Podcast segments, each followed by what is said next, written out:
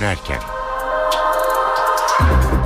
İyi akşamlar ben Öykü Özdoğan eve dönerken başlıyor. İki buçuk saat boyunca Türkiye ve dünyadan günün önemli gelişmeleriyle karşınızda olacağız. Öne çıkan haberlerin özetiyle başlıyoruz.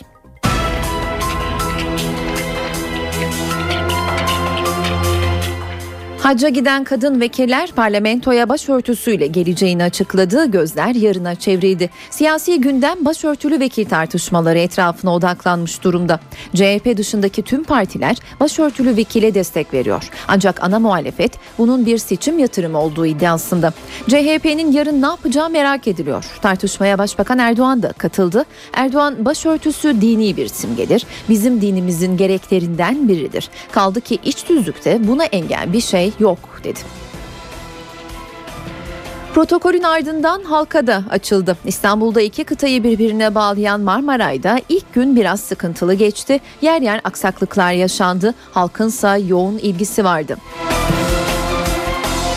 Başbakan Erdoğan'dan CHP lideri Kemal Kılıçdaroğlu'na dikizleme yanıtı. Erdoğan CHP liderinin ahlak dışı bir ifade kullandığını söyledi. Özetleri aktardık, şimdi ayrıntılar.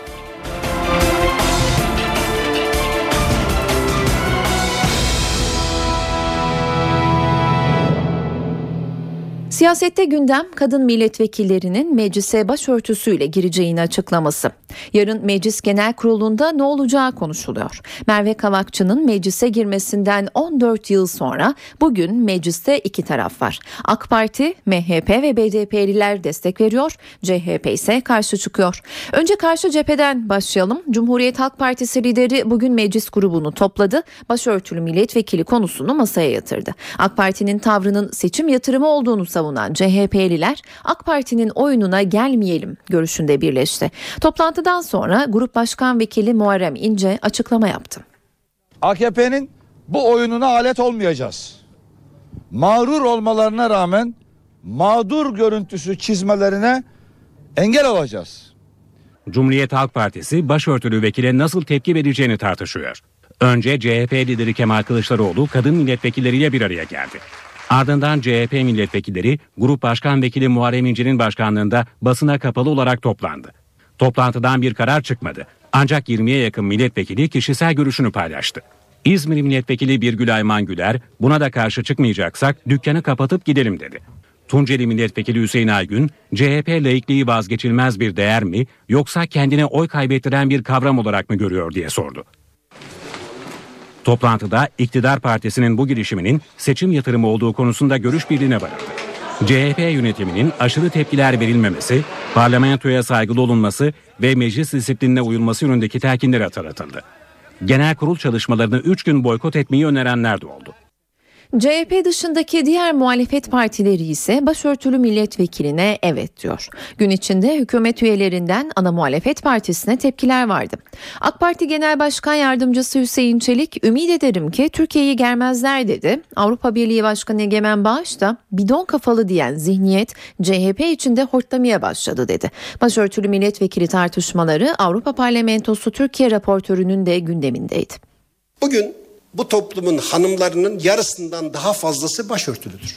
Onların tercihlerinin Türkiye Büyük Millet Meclisi'ne yansıması ve başörtülü hanımların Türkiye Büyük Millet Meclisi'nde bulunması kimi niye rahatsız etsin arkadaşlar? Ve temenni ediyorum ki Türkiye'yi germezler. Türkiye'nin ağzının tadını kaçırmazlar. Hükümet başörtülü milletvekili konusunda CHP'ye tepkili.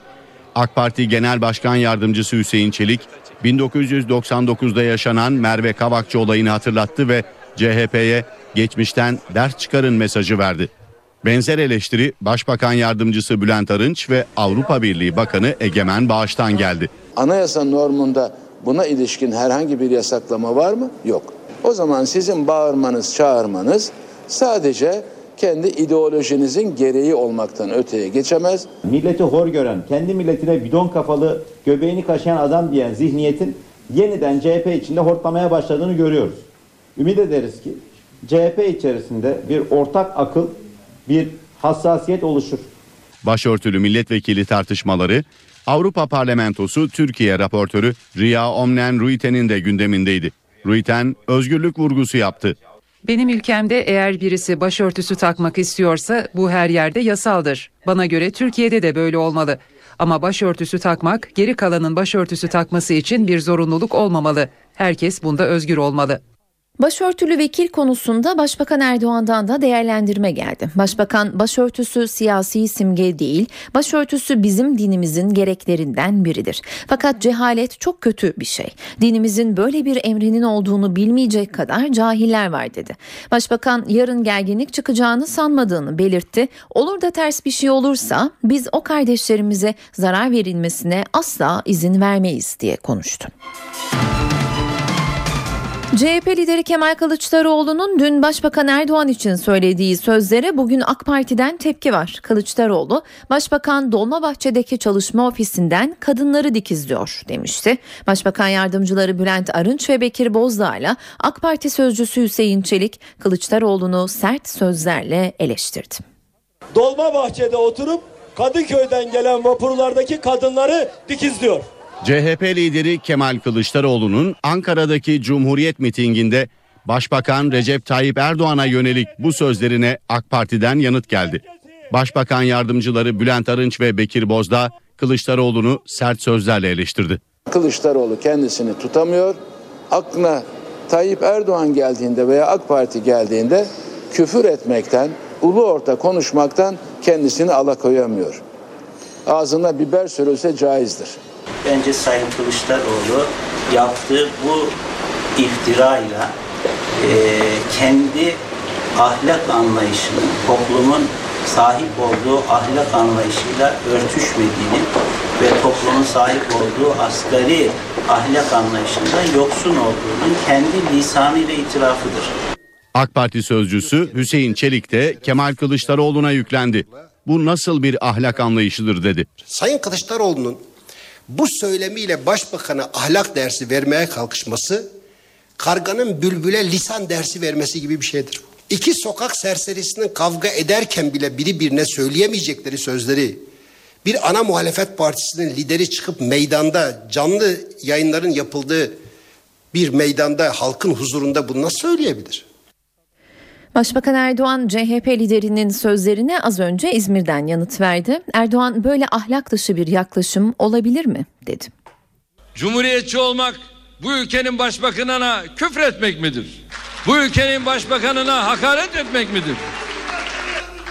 Affedersiniz. Çok enteresan. Yani ben İstanbul'da başbakanlık ofisine gelirken oradaki Beşiktaş iskelesinden Kadıköy'den gelen vatandaşlarımız geçiyor. Orada her türlü tabii giyim içerisinde olanlar var. Tasvip ederim etmem ayrı mesele. Ama hepsine saygı duyduğumu söylüyorum. Ve çok enteresan. Diyor ki oradan geçen bayanları dikizliyor diyor. Ya böyle bir yani böyle bir ahlak dışı yaklaşım olabilir mi? Böyle bir ifade olabilir mi? Ben ne söylüyorum? O ne söylüyor? Ve CHP'de yıllardır konuşulan Mustafa Sarıgül'ün adaylığı sonunda çözüldü. Sarıgül CHP'den İstanbul Büyükşehir Belediye Başkan adayı olacak. CHP Genel Başkan Yardımcısı Adnan Keskin, İstanbul İl Başkanı Oğuz Kağan Satıcı ile yarın Sarıgül'ü ziyaret edecek, partiye katılma dilekçesini alacak. Adnan Keskin bu görüşme öncesinde bugün NTV açıklamalarda bulundu, sorun çözüldü dedi. Sayın Genel Başkanımızın talimatları doğrusu yarın Sayın Mustafa Sarıgül'le gerek bir görüşme yapacağım. Bu görüşmede sanırım uygulayacağımız prosedürün detayları tespit edilecektir. Şu ana kadar hem Genel Başkanımızın kamuoyu yansıyan iradesi hem de Sayın, Sayın Sarıgül'ün Sayın Genel Başkanımızın açıklamaları karşısında ortaya koyduğu yaklaşım bu sorunun çözüldüğünün somut kanıtını oluşturmaktadır. Önümüzdeki günlerde sadece kayıt işleminin ve disiplin suçunun ortadan kaldırılmasına ilişkin girişimler sergilenecektir. Belki o parti meclisinde bu konudaki girişimlerin sonucu getirilerek parti meclisimizin bu konuda kalması gereken kararın alınması için gerekli girişimleri yapacağız.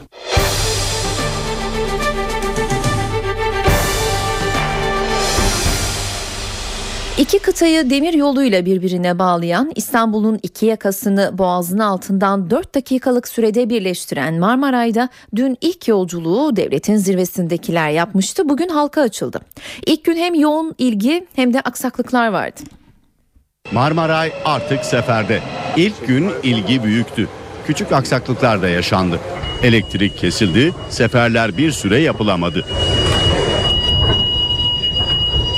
Arıza giderildikten sonra da trenler Sirkeci istasyonunda duramadı. Seferler kısa süre sonra yeniden başladı. Şu an Marmaray'ın yeni kapı durağındayız ve saatlerimiz 10-17'yi gösteriyor. Bakalım kaç dakika sonra ayrılık çeşmede olacağız.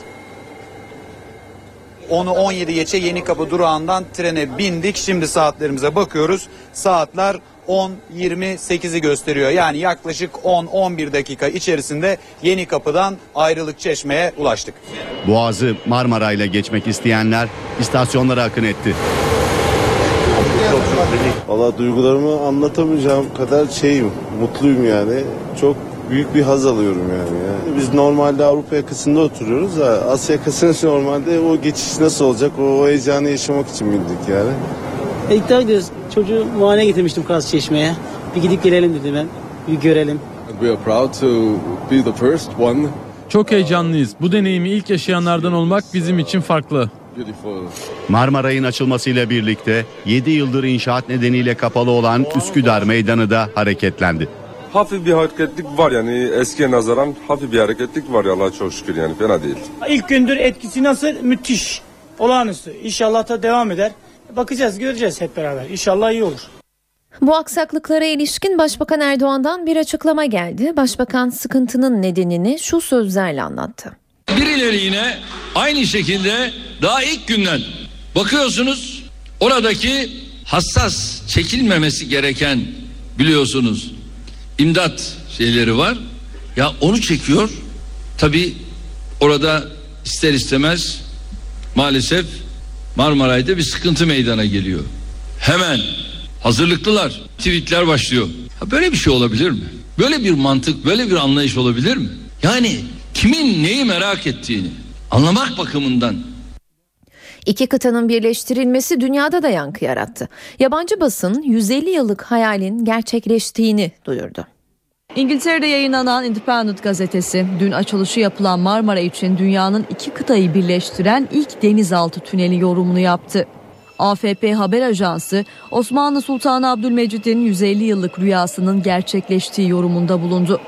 Alman Der Tagesspiegel gazetesi ise Marmaray projesini rakamlarla anlattı.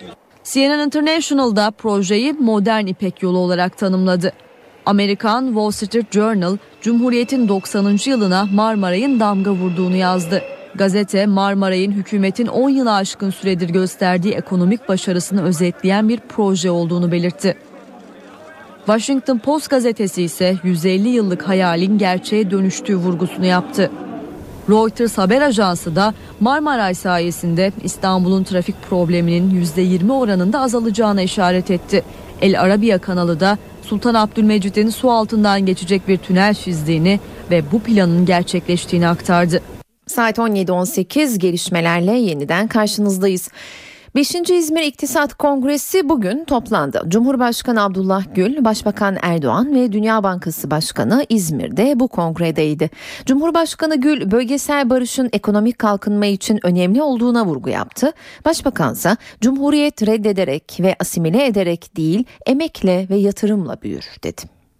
Cumhuriyet nasıl ki 76 milyonun cumhuriyeti ise Cumhuriyetin kazanımları da hiç kuşkusuz eşit derecede 76 milyonun kazanımlarıdır. Başbakan Recep Tayyip Erdoğan, Cumhuriyet mesajını bu kez İzmir'de İktisat Kongresi'nde verdi. Kutuplaşmanın gelişmenin önünde engel olabileceğinin altını çizdi. Sermayeyi renklere ayırmak, tasnif etmek, makbul ve makbul olmayan iş adamları ayrımı yapmak kesinlikle bir cumhuriyet anlayışı değildir. Cumhuriyet nasıl ki sadece seçkinlerin cumhuriyeti değilse seçkin sermaye çevrelerinin de cumhuriyeti değildir. Bu cumhuriyet İstanbul sermayesinin olduğu kadar 81 vilayetteki her bir iş adamının, esnafın, çiftçinin de cumhuriyetidir. Cumhurbaşkanı Abdullah Gül de kürsüye çıktı. siyasi istikrarla ekonomi arasındaki bağlantıya dikkat çekti. Ülkemizin etrafında cereyan eden tüm kriz, kargaşa ve iç savaşlara rağmen bölgenin durulması, kargaşanın önlenmesi ve bölgede bir barış ortamı oluşması için elinden gelen çabayı göstermesi sadece güvenliğimiz açısından değil, ekonomik geleceğimiz bakımından da hayati önem taşımaktadır. Başbakan Yardımcısı Ali Babacan da konuşmasında gelişmiş bir ekonominin yolunun hukuk devletinden geçtiğini söyledi. Gerçek anlamda bir hukuk devleti olmadığımız sürece, hukukun üstünlüğü ilkesinin ülkemizde tam anlamıyla uygulanmadığı sürece gelişmiş bir ekonomi olmamız da yine zor olacak. Kongrede ikili görüşmeler de vardı. Başbakan Dünya Bankası Başkanı Jim Yong Kim'le bir süre görüştü. Tüketiciyi koruma kanunu değişiyor. Gümrük ve Ticaret Bakanı Hayati Yazıcı meclis gündeminde olan yeni tasarının ayrıntılarını NTV canlı yayınında anlattı. Düzenlemenin bilinçli tüketici basiretli tacir ilkesiyle hazırlandığını belirten Bakan Yazıcı, kanunla hak arama yollarının kolaylaştırılacağını duyurdu. Bilinçli tüketici, basiretli tacir. Gümrük ve Ticaret Bakanı Hayati Yazıcı, yeni tüketiciyi koruma kanununun yürürlüğe girmesiyle tüketicilerin daha ileri seviyede korunmasının sağlanacağını ve hak arama yollarının kolaylaştırılacağını söyledi. NTV yayınına katılan Bakan Yazıcı, tasarıda öne çıkan bazı düzenlemeler hakkında bilgi verdi. Yazıcı, bankaların tüketicilerden istedikleri her ücreti alamayacağını, yıllık üyelik aidatı tahsil edilmeyen bir kredi kartı sunmak zorunda olacağını ifade etti. Kredi kartı hizmeti sunan e, bütün bankalar ya da katılım bankaları mutlaka hiçbir ücret almayacakları. Yani yıllık kart aidatı ismi altında olsun, e, işletim ücreti ismi altında olsun, hiçbir ücreti tabi tutmayacakları bir kredi kartı türünü de tüketiciye sunmak zorunda. Hayati Yazıcı, mortgage sözleşmelerinde tüketicinin isteği dışında sigorta yaptırılması uygulamasına da son verileceğini söyledi. Birisi inşaat ruhsatı alınmamış inşaatlara ilişkin maketten satış yapılamayacak. İkincisi de tüketicinin hukukunu korunması bakımından bir sigorta meclis getiriyoruz. Tüketici hakem heyetlerinin yeniden yapılandırılacağını ve tüketicinin hak aramasının kolaylaştırılacağını da dile getiren yazıcı, tüketicilerin 3 bin liraya kadar olan uyuşmazlıklar için mahkeme yerine hakem heyetlerine başvurmalarına olanak sağlanacağını ifade etti. Sinop'a yapılacak nükleer santralin %35'i Türkiye'ye, %65'i de Japonya'ya ait olacak. Açıklama Enerji ve Tabi Kaynaklar Bakanı Taner Yıldız'dan geldi. Yıldız, Japonlarla yapılan anlaşmanın karlı olduğunu söyledi. Ortaklık yapılarının farklı olduğunu söylemem lazım. EÜYAŞ'ın %35'ler civarında ortak olduğu bir Japonya modeli ve EÜYAŞ'ın e, ortak olmadığı bir e, Rusya modelini karşılaştırıyoruz. E, Rusya Federasyonu'nda e, önemli bir avantajımız var değerli arkadaşlar. E, 15 yıllık alım garantisinin dışındaki yapıda %20'lik kar ortağı olduğumuzu söylemem lazım. Japonya'da ise %35'lik hisse e, ortağının olduğunu söyle, söylemem lazım. E, yakıt dahil e, Rusya fiyatının daha altında bir fiyatla inşallah burada çalışacağız. %35'i e, bizde hükümet arası anlaşmaya göre %65'i de Japonya tarafında. Japonya tarafının e, bunu kendi içerisinde ne kadarını GDF, ne kadar e, Areva'ya, ne kadarında e, Itochu'ya vereceğiyle alakalı Mitsubishi ile beraber bunu da hep beraber inşallah e, önümüzdeki süreçte görmüş olacağız. Her iki nükleer santrala da istekli yatırımcılarımız var. Enerji sektörüne olan güvenin ben burada da e, hamdolsun çok büyük avantajlarını görüyorum. Siyasi istikrarın sürdürülebilir oluşuna olan inancın meyvelerini inşallah enerji sektöründe toplamış olacağız. Biz e, şu anda bunu söylemek erkendir ama halka mı açılacak, blok satışma olacak, e, biz bunu e, bu işi yapabilecek bir yerli ortak mı olacak? Bunları önümüzdeki süreçte hep beraber göreceğiz. Sırada ekonomi notları var. Para ve sermaye piyasalarındaki gelişmeleri CNBC'den Enis Şener'den alacağız. Enis. İyi akşamlar. Borsa İstanbul bir süredir test ettiği ancak aşamadığı 80 bin seviyesini bu sabah saatlerinde alımların devam etmesiyle geçmeyi başardı. Ancak özellikle ikinci seansta yoğunlaşan baskı endekste kar satışlarının ağırlık kazanmasına neden oldu ve BIST 100 endeksi tekrar 80 bin seviyesinin altına çekildi. Analistler bu akşam faiz kararını açıklayacak olan Amerikan Merkez Bankası Fed'in vereceği sinyaller öncesinde yatırımcıların riski azaltmak istediği görüşünde. TL tarafında ise oynaklık oldukça azalmış durumda. Son günlerde dolar TL'de kademeli bir yükseliş olsa da kur 1.98-1.99 bandında hareket ediyor. Faizler ise %7.50 üzerinde kalmaya devam ediyor. Yurt dışında da ana gündem maddesi Fed'in faiz kararı. Özellikle Fed'in varlık alımlarını ne zaman azaltabileceğine dair gelebilecek olan sinyaller yakından takip edilecek. Karar öncesinde Avrupa borsalarında temkinli bir yükseliş vardı. Spot altın ise kritik olarak görülen 1350 dolar seviyesi üzerinde tutunmaya çalışıyor. Öykü. Enis teşekkürler. CNBC'den Enis Şener'den para ve sermaye piyasalarında bugün yaşanan gelişmeleri aktardı.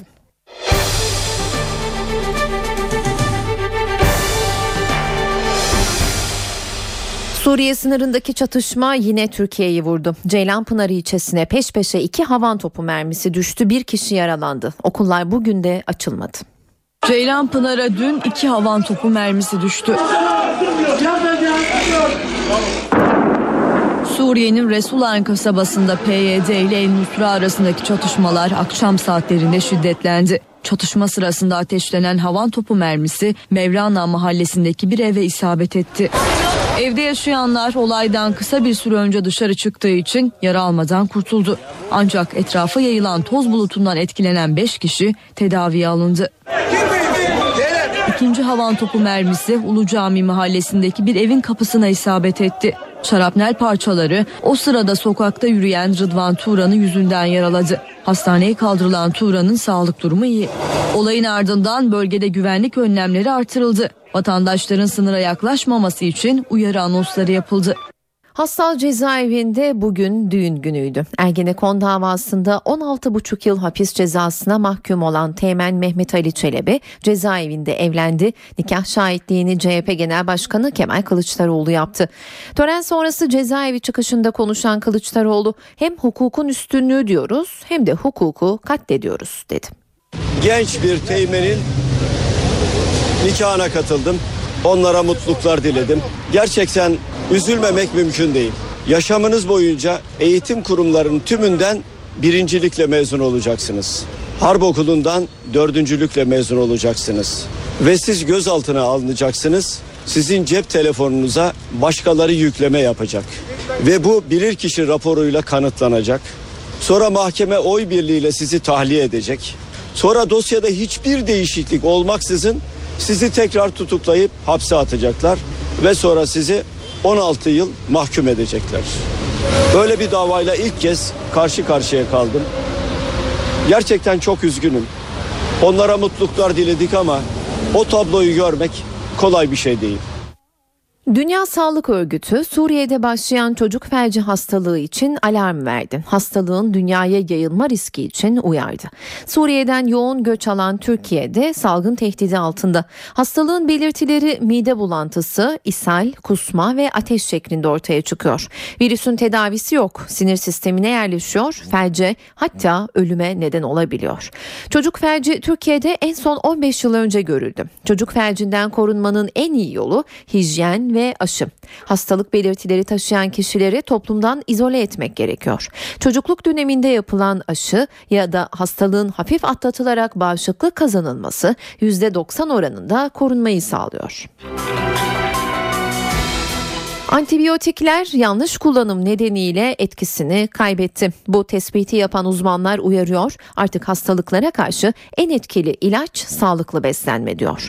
Dünyaca ünlü beslenme gurusu Dr. Paul Clayton NTV'de sağlıklı beslenmenin önemini anlattı. Hastalıklara karşı yeni savunma aracı doğal beslenme. Uzmanlara göre antibiyotik çağı sona yaklaştı. Pek çok bilim adamı antibiyotik çağının sonunun geldiği konusunda hemfikir. Antibiyotiklere karşı bir direnç gelişmiş durumda. Bu da hastalıklarla baş etmemizi engelliyor.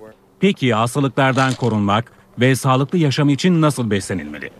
Dünyaca ünlü beslenme gurusu Dr. Paul Clayton'a göre çare yeşil sebze meyvede. Tavsiye edebileceğim yeşil yapraklı sebzeler, brokoli gibi, lahana gibi. Bağışıklık sistemini geliştirmek için doğal savunma sağlıyor. Daha fazla sebze meyve tüketmemiz gerekli. Yüksek sıcaklıktaki gıdalardan uzak durmamız lazım. Kanserden de doğal yollarla korunmak mümkün. Daha sakin bir hayat sürün, sağlıklı beslenin, bol bol sebze meyve tüketin. Egzersiz yapın, sigara içmeyin, omega 3 açısından zengin olan balığı tüketmeye çalışın.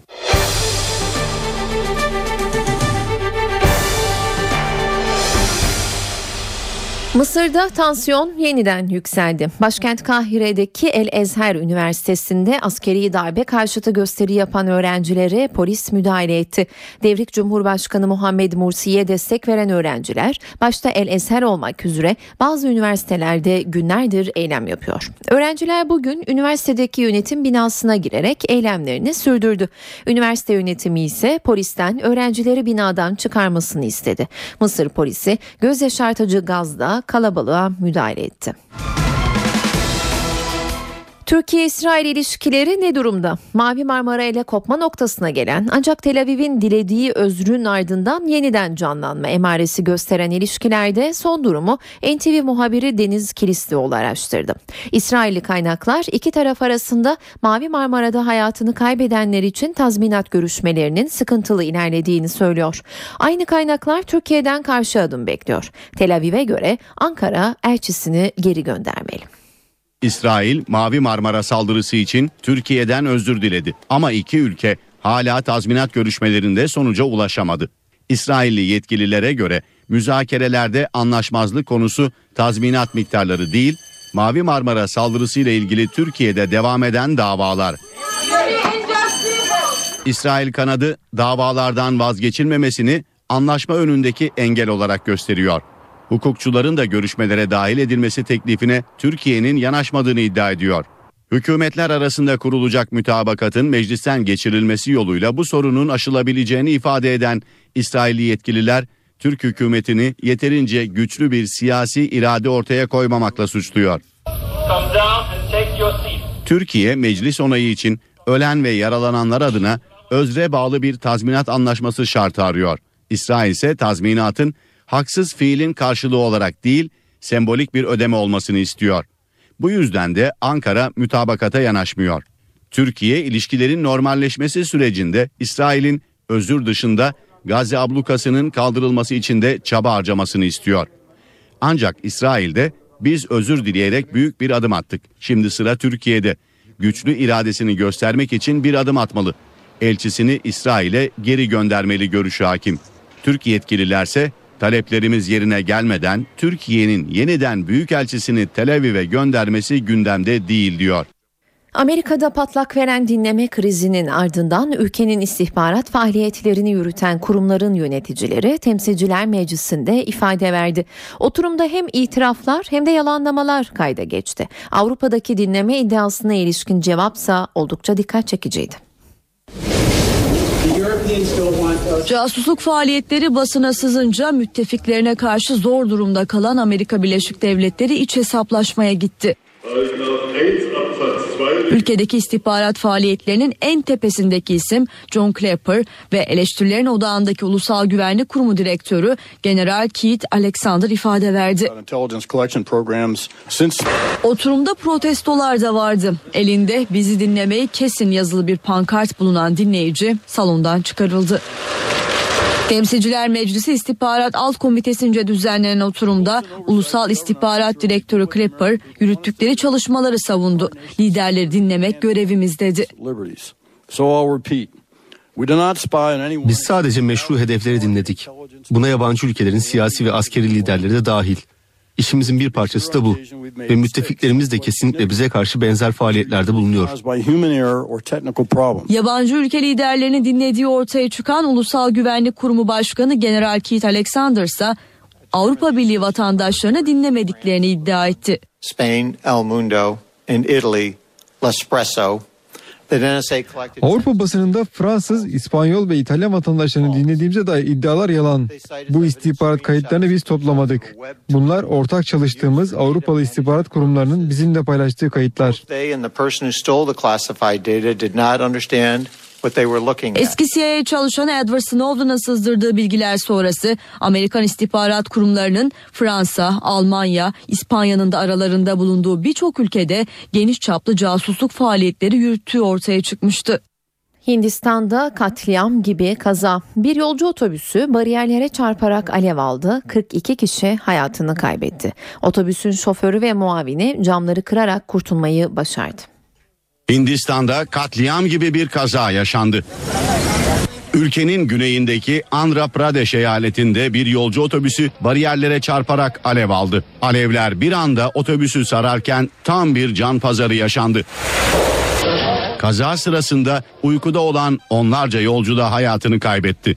Şoför ve muavinin de aralarında bulunduğu 7 kişi ise camları kırarak dışarı çıkmayı başardı. Şoför ve muavin gözaltına alınırken kazayla ilgili soruşturma başlatıldı. Otobüsün bariyerlere çarptıktan sonra yakıt deposunun alev aldığı tahmin ediliyor. Şehirler arası sefer yapan otobüsün bir yakıt tankerine çarptığı yönünde de iddialar var. Hindistan dünyada trafik kazalarında en fazla can kaybının yaşandığı ülke. Dünya Sağlık Örgütü verilerine göre ülkede her yıl 110 binden fazla kişi trafik kazalarında hayatını kaybediyor. İtalya'da 32 kişinin öldüğü gemi kazasının davasında bu kez kaptanın sevgilisi hakim karşısına çıktı. Kaptanın dikkatini dağıttığını söyleyen Moldovalı dansçı kaza anında kaptanın yanında olduğunu itiraf etti. Kaptanın sevgilisiydim ve kaza anında kaptan köşkündeydim. Costa Concordia yolcu gemisi davasında kaptanın Moldovalı sevgilisi hakim karşısına çıktı. Moldovalı dansçı İtalya'nın Giglio adasında Ocak 2012'de kayalıklara çarpan geminin kaptanıyla romantik bir ilişki yaşadığını itiraf etti.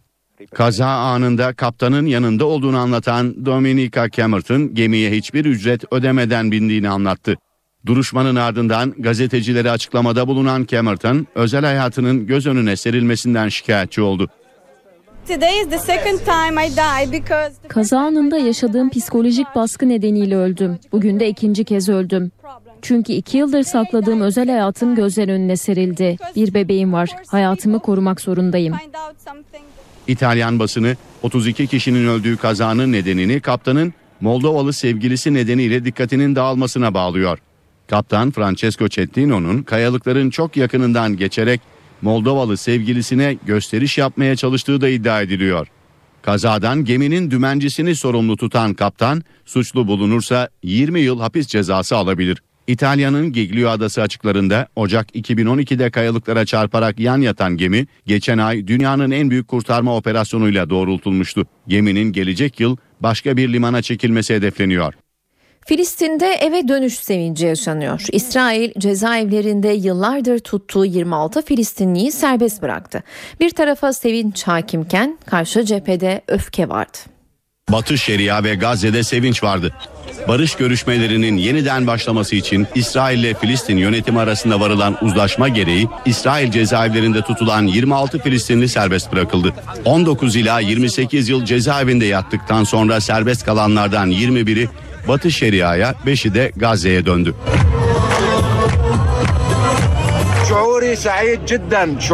Çok mutluyum. Duygularımı şu an anlatamam. Aynı zamanda üzgünüm de. Çünkü binlerce arkadaşımızı cezaevlerinde bıraktık. Filistinliler serbest bırakılanları coşkuyla karşıladı. Karşılamada Filistin lideri Mahmud Abbas da vardı.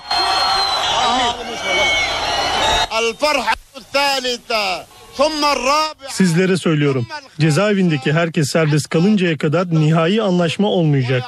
28 yılla İsrail cezaevinde en uzun süreli kalan Filistinli olan Abed Rabbo da annesine kavuşmanın sevincini yaşadı.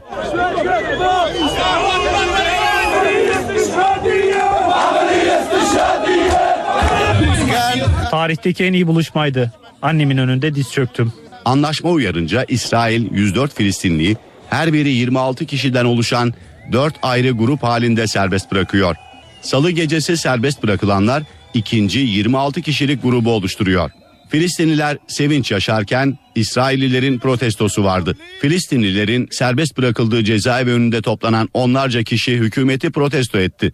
Saat 18 ben Öykü Özdoğan eve dönerken de yeni bölüme günün öne çıkan özetleriyle başlıyoruz.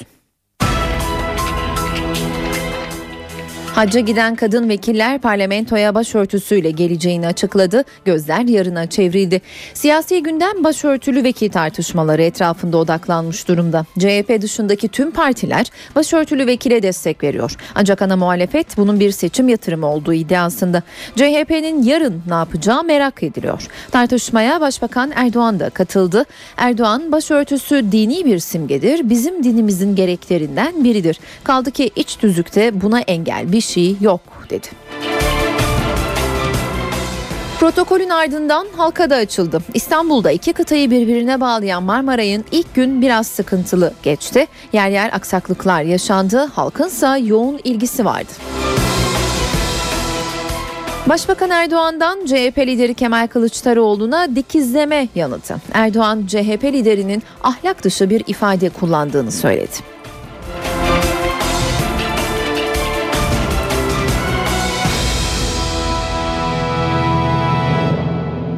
Başbakan Erdoğan İktisat Kongresi için gittiği İzmir'de partisinin il başkanları toplantısına katıldı ve gündemdeki tüm konulara ilişkin açıklamalar yaptı.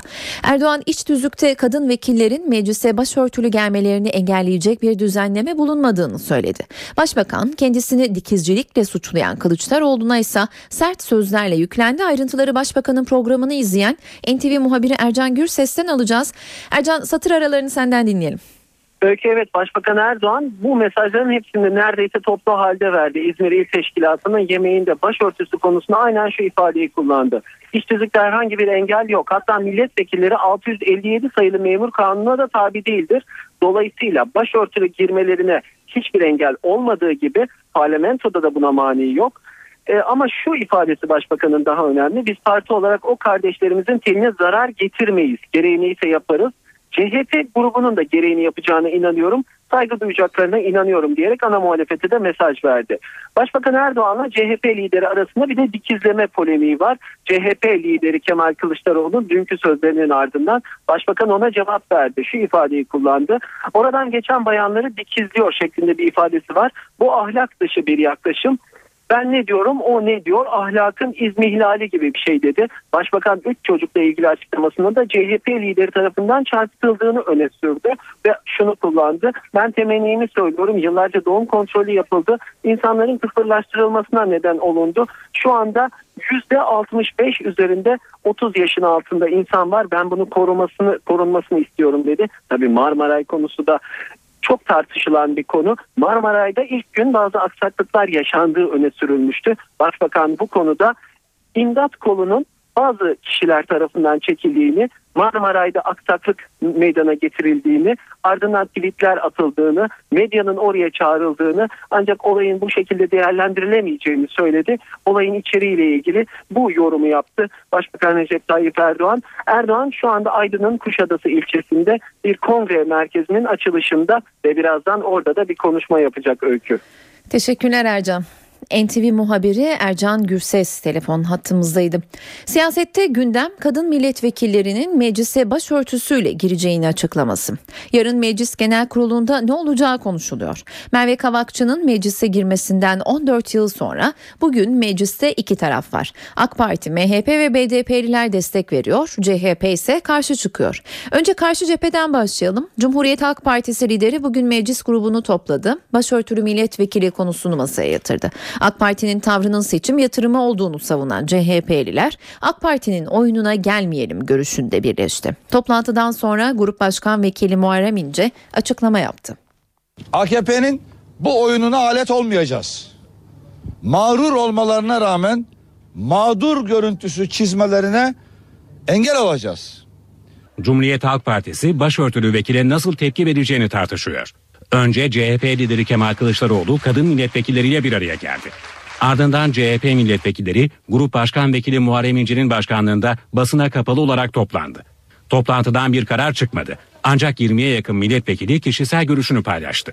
İzmir milletvekili Birgül Ayman Güler buna da karşı çıkmayacaksak dükkanı kapatıp gidelim dedi. Tunceli milletvekili Hüseyin Aygün CHP laikliği vazgeçilmez bir değer mi yoksa kendine oy kaybettiren bir kavram olarak mı görüyor diye sordu. Toplantıda iktidar partisinin bu girişiminin seçim yatırımı olduğu konusunda görüş birliğine varıldı. CHP yönetiminin aşırı tepkiler verilmemesi, Parlamentoya saygılı olunması ve meclis disiplinine uyulması yönündeki telkinler hatırlatıldı. Genel kurul çalışmalarını 3 gün boykot etmeyi önerenler de oldu. Genel Başkan Yardımcımız Sayın Şafak Pabey genel kurulda zamanı gelince konuşma yapacak. Ben de grup başkan vekili olarak açıklamalarımı yapacağım. CHP sözcüleri genel kurul konuşmalarında ayak protezi kullanan Şafak Pavey'in durumunu da gündeme getirecek. Bizim arkadaşımız pantolonla girilmesine yönelik bir önerge vermişti. O zaman Adalet ve Kalkınma Partisi bu konuda red üst geçesine kullandı. Ben şimdi kendilerine soruyorum. Eğer bu kişisel bir özgürlük meselesi ise türbana özgürlük olan ortamda o zaman şortla gelen dekolteyle gelene de müsaade etmemiz gerek. CHP dışındaki diğer muhalefet partileri ise başörtülü milletvekiline evet diyor. Gün içinde hükümet üyelerinden ana muhalefet partisine tepkiler vardı.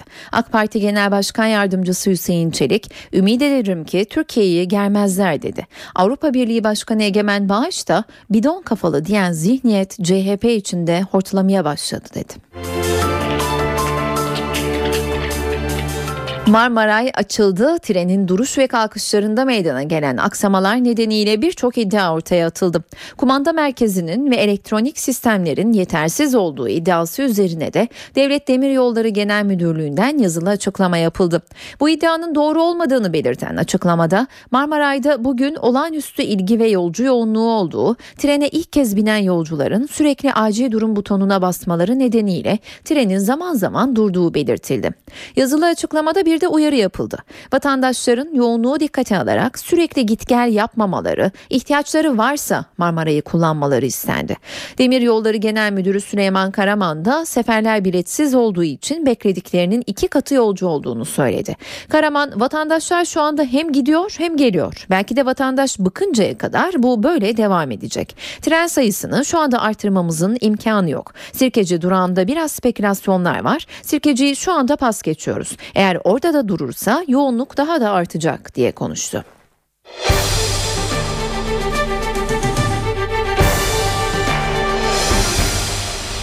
Asker kaçakları dikkat. Milli Savunma Bakanı İsmet Yılmaz asker kaçaklarının yakalanması için çalışma yapıldığını belirterek bakayaların yurt genelinde aranması işlemlerine başlatıldı. Asker kaçaklarına para cezası uygulanacak dedi.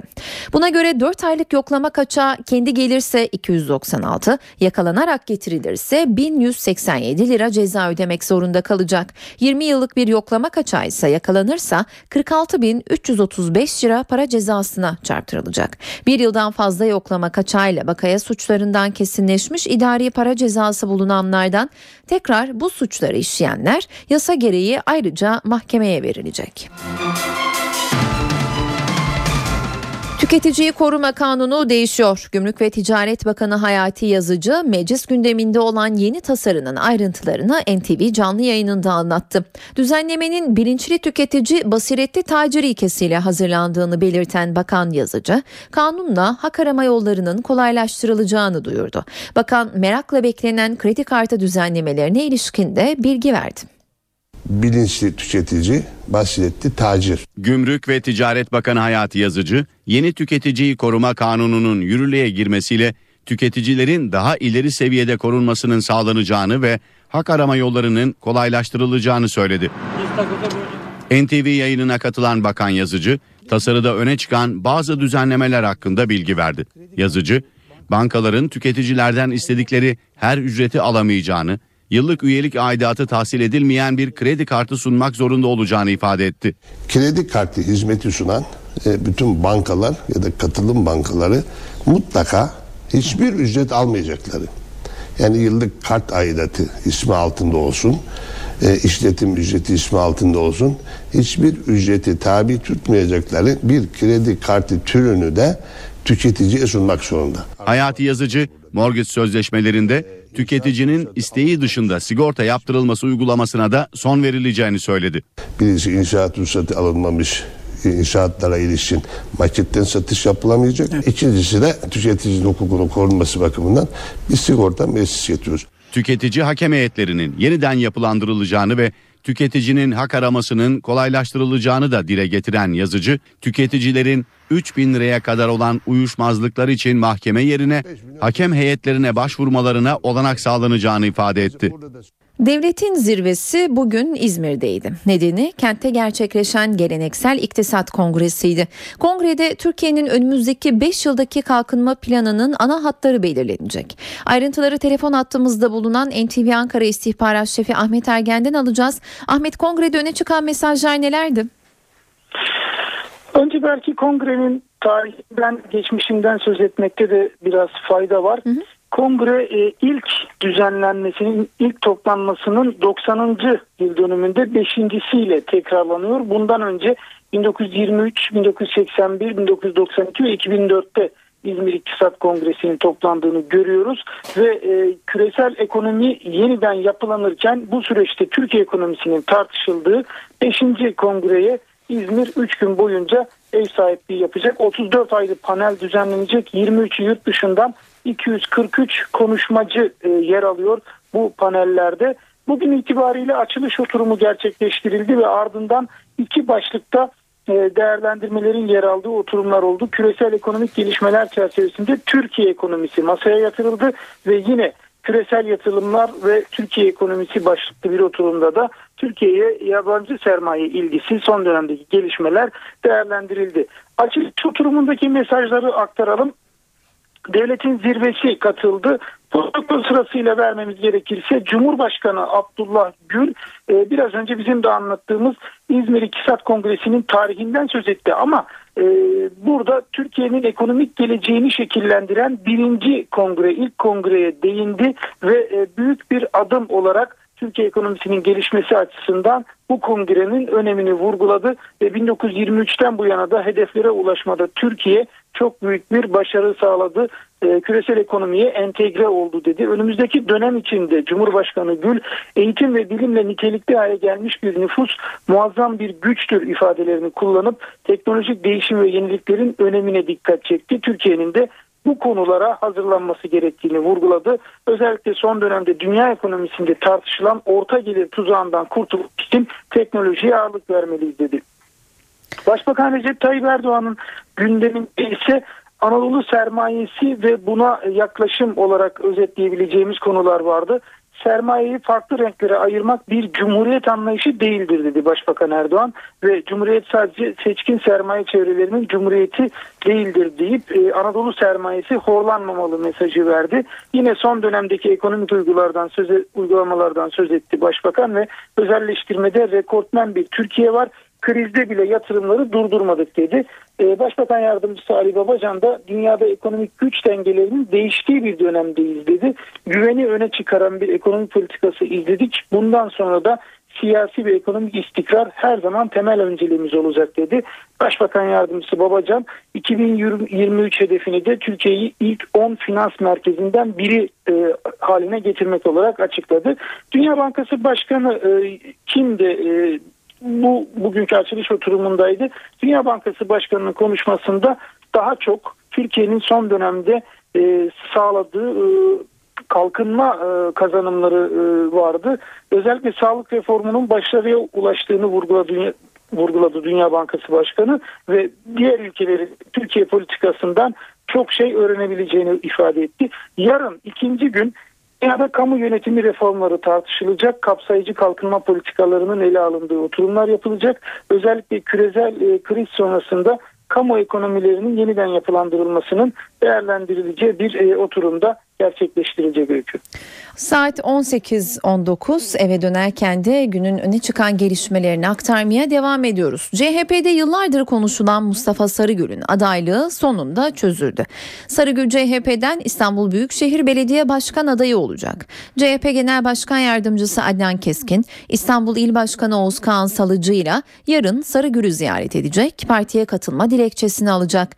Adnan Keskin bu görüşme öncesinde bugün NTV'ye açıklamalarda bulundu, sorun çözüldü dedi. Sayın Genel Başkanımızın talimatları dolayısıyla yarın Sayın Mustafa Sarıgül ile gerek bir görüşme yapacağım. Bu görüşmede sanırım uygulayacağımız prosedürün detayları tespit edilecektir. Şu ana kadar hem Genel Başkanımızın kamuoyu yansıyan iradesi hem de Sayın Sarıgül'ün Sayın Genel Başkanımızın açıklamaları karşısında ortaya koyduğu yaklaşım bu sorunun çözüldüğünün somut kanıtını oluşturmaktadır. Önümüzdeki günlerde sadece kayıt işleminin ve disiplin suçunun ortadan kaldırılmasına ilişkin girişimler sergilenecektir. Belki o parti meclisinde bu konudaki girişimlerin sonucu getirilerek parti meclisimizin bu konuda kalması gereken kararın alınması için gerekli girişimleri yapacağız. Hastal cezaevinde bugün düğün günüydü. Ergenekon davasında 16,5 yıl hapis cezasına mahkum olan Teğmen Mehmet Ali Çelebi cezaevinde evlendi. Nikah şahitliğini CHP Genel Başkanı Kemal Kılıçdaroğlu yaptı. Tören sonrası cezaevi çıkışında konuşan Kılıçdaroğlu hem hukukun üstünlüğü diyoruz hem de hukuku katlediyoruz dedi. Genç bir teğmenin nikahına katıldım. Onlara mutluluklar diledim. Gerçekten üzülmemek mümkün değil. Yaşamınız boyunca eğitim kurumlarının tümünden birincilikle mezun olacaksınız. Harp okulundan dördüncülükle mezun olacaksınız. Ve siz gözaltına alınacaksınız. Sizin cep telefonunuza başkaları yükleme yapacak. Ve bu bilirkişi raporuyla kanıtlanacak. Sonra mahkeme oy birliğiyle sizi tahliye edecek. Sonra dosyada hiçbir değişiklik olmaksızın sizi tekrar tutuklayıp hapse atacaklar ve sonra sizi 16 yıl mahkum edecekler. Böyle bir davayla ilk kez karşı karşıya kaldım. Gerçekten çok üzgünüm. Onlara mutluluklar diledik ama o tabloyu görmek kolay bir şey değil. Türk savaş uçakları yine önleme uçuşu yaptı. Silahlı kuvvetler Türkiye sınırına yaklaşan Suriye'ye ait bir askeri uçak nedeniyle F-16'ları bölgeye sevk etti. Genelkurmay Başkanlığı'ndan yapılan açıklamada Suriye'ye ait bir savaş uçağının Cilve Gözü bölgesinde sınıra yaklaşması üzerine iki F-16'nın bölgeye yönlendirildiği belirtildi. Açıklamada söz konusu hava aracı sınırımıza 3 deniz mili kala geri dönerek bölgeden uzaklaşmıştır denildi. Suriye'de devlet başkanı Beşar Esad ülkesindeki iç savaşın ancak yabancı güçlerin muhaliflere verdiği desteği sona erdirmesiyle biteceğini ileri sürdü. Beşar Esad başkent Şam'da Birleşmiş Milletler ve Arap Birliği'nin Suriye özel temsilcisi Lahda Brahimi ile bir araya geldi. Esad Suriye krizine siyasi çözüm bulunması için öncelikle muhalif militanlara verilen desteğin kesilmesi gerektiğini ifade etti. Esad ülkesinin geleceğini bir tek Suriye halkının şekillendirebileceğini kaydetti Suriye krizine barışçıl çözüm bulması için 2. Cenevre Konferansı'nın gelecek ay düzenlenmesi planlanıyor. Türkiye-İsrail ilişkileri normalleşecek mi? Özür sonrası temas ne durumda? Mavi Marmara kurbanları için ödenecek tazminat konusunda mutabakata varıldı mı? NTV diplomasi muhabiri Deniz Kilislioğlu ilişkilerin seyrini irdeledi. İsrailli kaynaklarla görüştü ve şu an telefon attığımızda Deniz normalleşme mümkün görünüyor mu?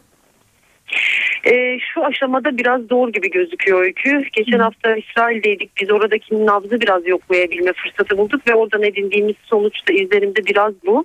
E, şimdi ta, Türk, İsrail Türkiye'den özür diledi ama iki ülke hala tazminat görüşmelerinde sonuca ulaşamadı. Biz e, şunu sorguladık. Nerede tıkanıyor? E, çünkü önce bir anlaşmaya varıldı, bir mutabakat var gibi e, yansımıştı ama sonra bir yere gitmemişti bu görüşmeler. İsrail yetkililere göre anlaşmazlık konusu tazminat miktarları değil. E, onlar tek tıkanma konusunun Mavi Marmara saldırısı ile ilgili Türkiye'de devam eden davaların olduğunu söylüyorlar. Yani hem tazminat ödeyip hem de davalardan vazgeçilmemesi bizim bir anlaşmaya varmamızı zorlaştırıyor diyorlar. E, nasıl bir yol izlenebilir? Hükümetler arasında bir mutabakat varılırsa bu meclisten geçirilerek bir üst e, yasal düzenleme olabilir mi? Çünkü mevcut yasal koşulda e, Türkiye'deki davalar düşemiyor.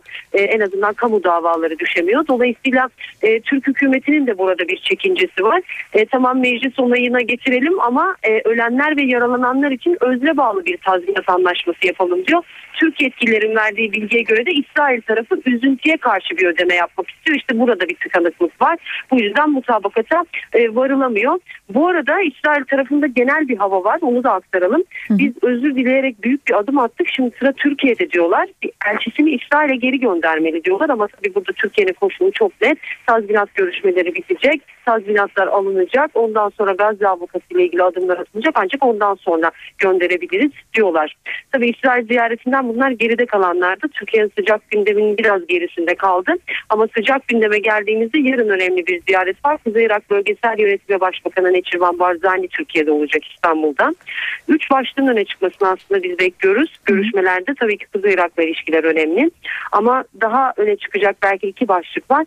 Irak merkezi yönetimiyle son dönemde bir yakınlaşma vardı biliyorsunuz. Kuvvetle muhtemel Ahmet Davutoğlu o temaslara ilişkin bilgi verecektir. Çünkü merkezi hükümetle Kuzey Irak yönetimi de zaman zaman sıkıntı yaşayabiliyor. Türkiye nasıl bir yol izleyecek? Kuzey Irak e, ilişkilerini devam ettirirken merkezi hükümetle nasıl bir yol haritası üzerinde yürüyecek? Bununla ilgili karşılıklı olarak bir görüş alışverişi yapılacağını söyleyelim. Son konu olarak da önemli bir konu Kuzey Suriye meselesi. Burada Kürt gruplar var. Kürt grupların birleşebilmesi ve tek ses olabilmesi çabası var. Kuzey Irak Bölgesel Yönetimi Lideri Mesut Barzani'nin bu gruplar üzerinde ne kadar etkili olduğunu biliyoruz. Ama bu gruplar içerisinde PYD var. E, zaman zaman Kuzey Irak'la daha farklı görüşler e, ortaya konulabiliyor. Dolayısıyla e, bu gruplar arasında nasıl bir yol izlenebilir? Suriye muhalefeti çatısı altında bu gruplar nasıl tutulabilir? Bu konuların da gündeme gelmesini bekliyoruz Öykü. Teşekkürler Deniz. NTV Diplomasi muhabiri Deniz Kilisioğlu telefon attığımızdaydı. Avrupa Birliği Komisyonu'ndan sonra Avrupa Parlamentosu da Türkiye raporu hazırlıyor. Raporu kaleme alacak Hollandalı parlamenter Ria Omen Ruiten bugün Ankara'daydı. Raportör reformlar yavaşladığı eleştirisinde bulundu. Avrupa Birliği Komisyonu'nun raporu geçmiş yıllara oranla çok daha objektif, çok daha gerçekçi bir rapor olarak yayınlandı. Aynı anlayışla Avrupa Parlamentosu'nun raporunun da siyasi mesaj içermekten çok gerçekleri dile getiren bir rapor olacağına inanıyorum. Kasım ayı sonunda açıklanacak Avrupa Parlamentosu Türkiye raporunu kaleme alacak kişi raportör Lia Omen Ruiten Ankara'daydı.